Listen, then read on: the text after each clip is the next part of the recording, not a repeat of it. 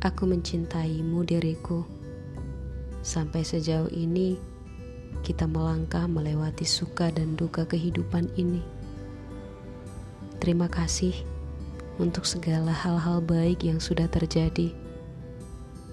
Dan maaf juga untuk hal-hal yang kurang baik yang kita lalui.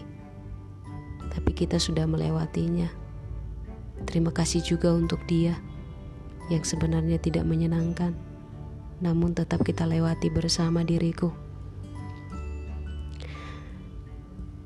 Ini adalah podcast aku sendiri. Ini adalah curhat-curhatku tentang kehidupanku.